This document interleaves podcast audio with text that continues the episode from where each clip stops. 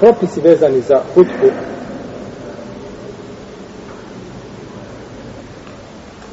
Veliki broj učenjaka smatra da je hutba šart za ispravnost namaza. I to dokazuju ajetom. Požurite da slušate. Zikr, a zikr je šta? hutba.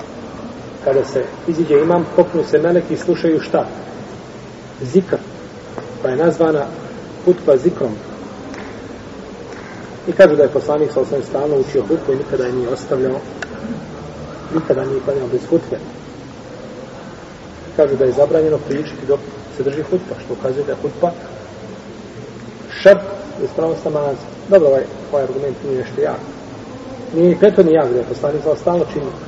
Mnoge stvari poslanik sa osnovim stalno čini, ali nisu šta? Nisu bile ovaj šart ispravnosti određene stvari. Pa se može kaže znači da poslanik sa osam nikada nije ostavljao, znači nikada nije ostavljao hutbu.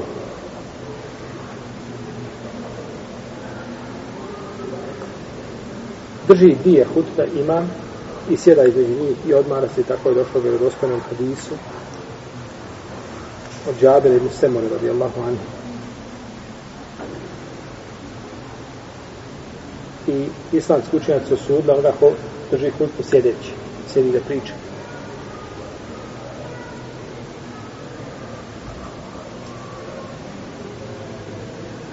Kjab ibn Ađra je ušao u džamiju i vidio Abdullaha ibn Umi al-Hakema da je držao kutku sjedeći. Pa kaže, pogledajte, kaže ovoga pokvarenjaka.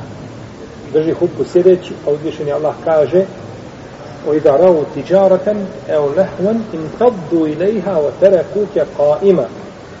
Kada vide trgovinu kakvu, robu trgovačku ili ono što će ih zabaviti, iziđu i potrče, a ostavete šta?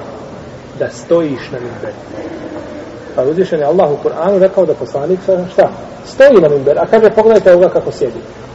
Znači možete misliti ovaj ajet je objavljen zato što kada je došla trgovačka roba iz Šama, već su na hutbi, kada je čuo da je došla svi iz džamije na hutbi. Ostalo je sa poslanikom, sa osanem, po jednoj verziji samo 12 ljudi. Svi su drugi isčali, pa uzvišen je Allah objavio ovaj ajed. Pa uzvišen je Allah te barek tala objavio ovaj ajed.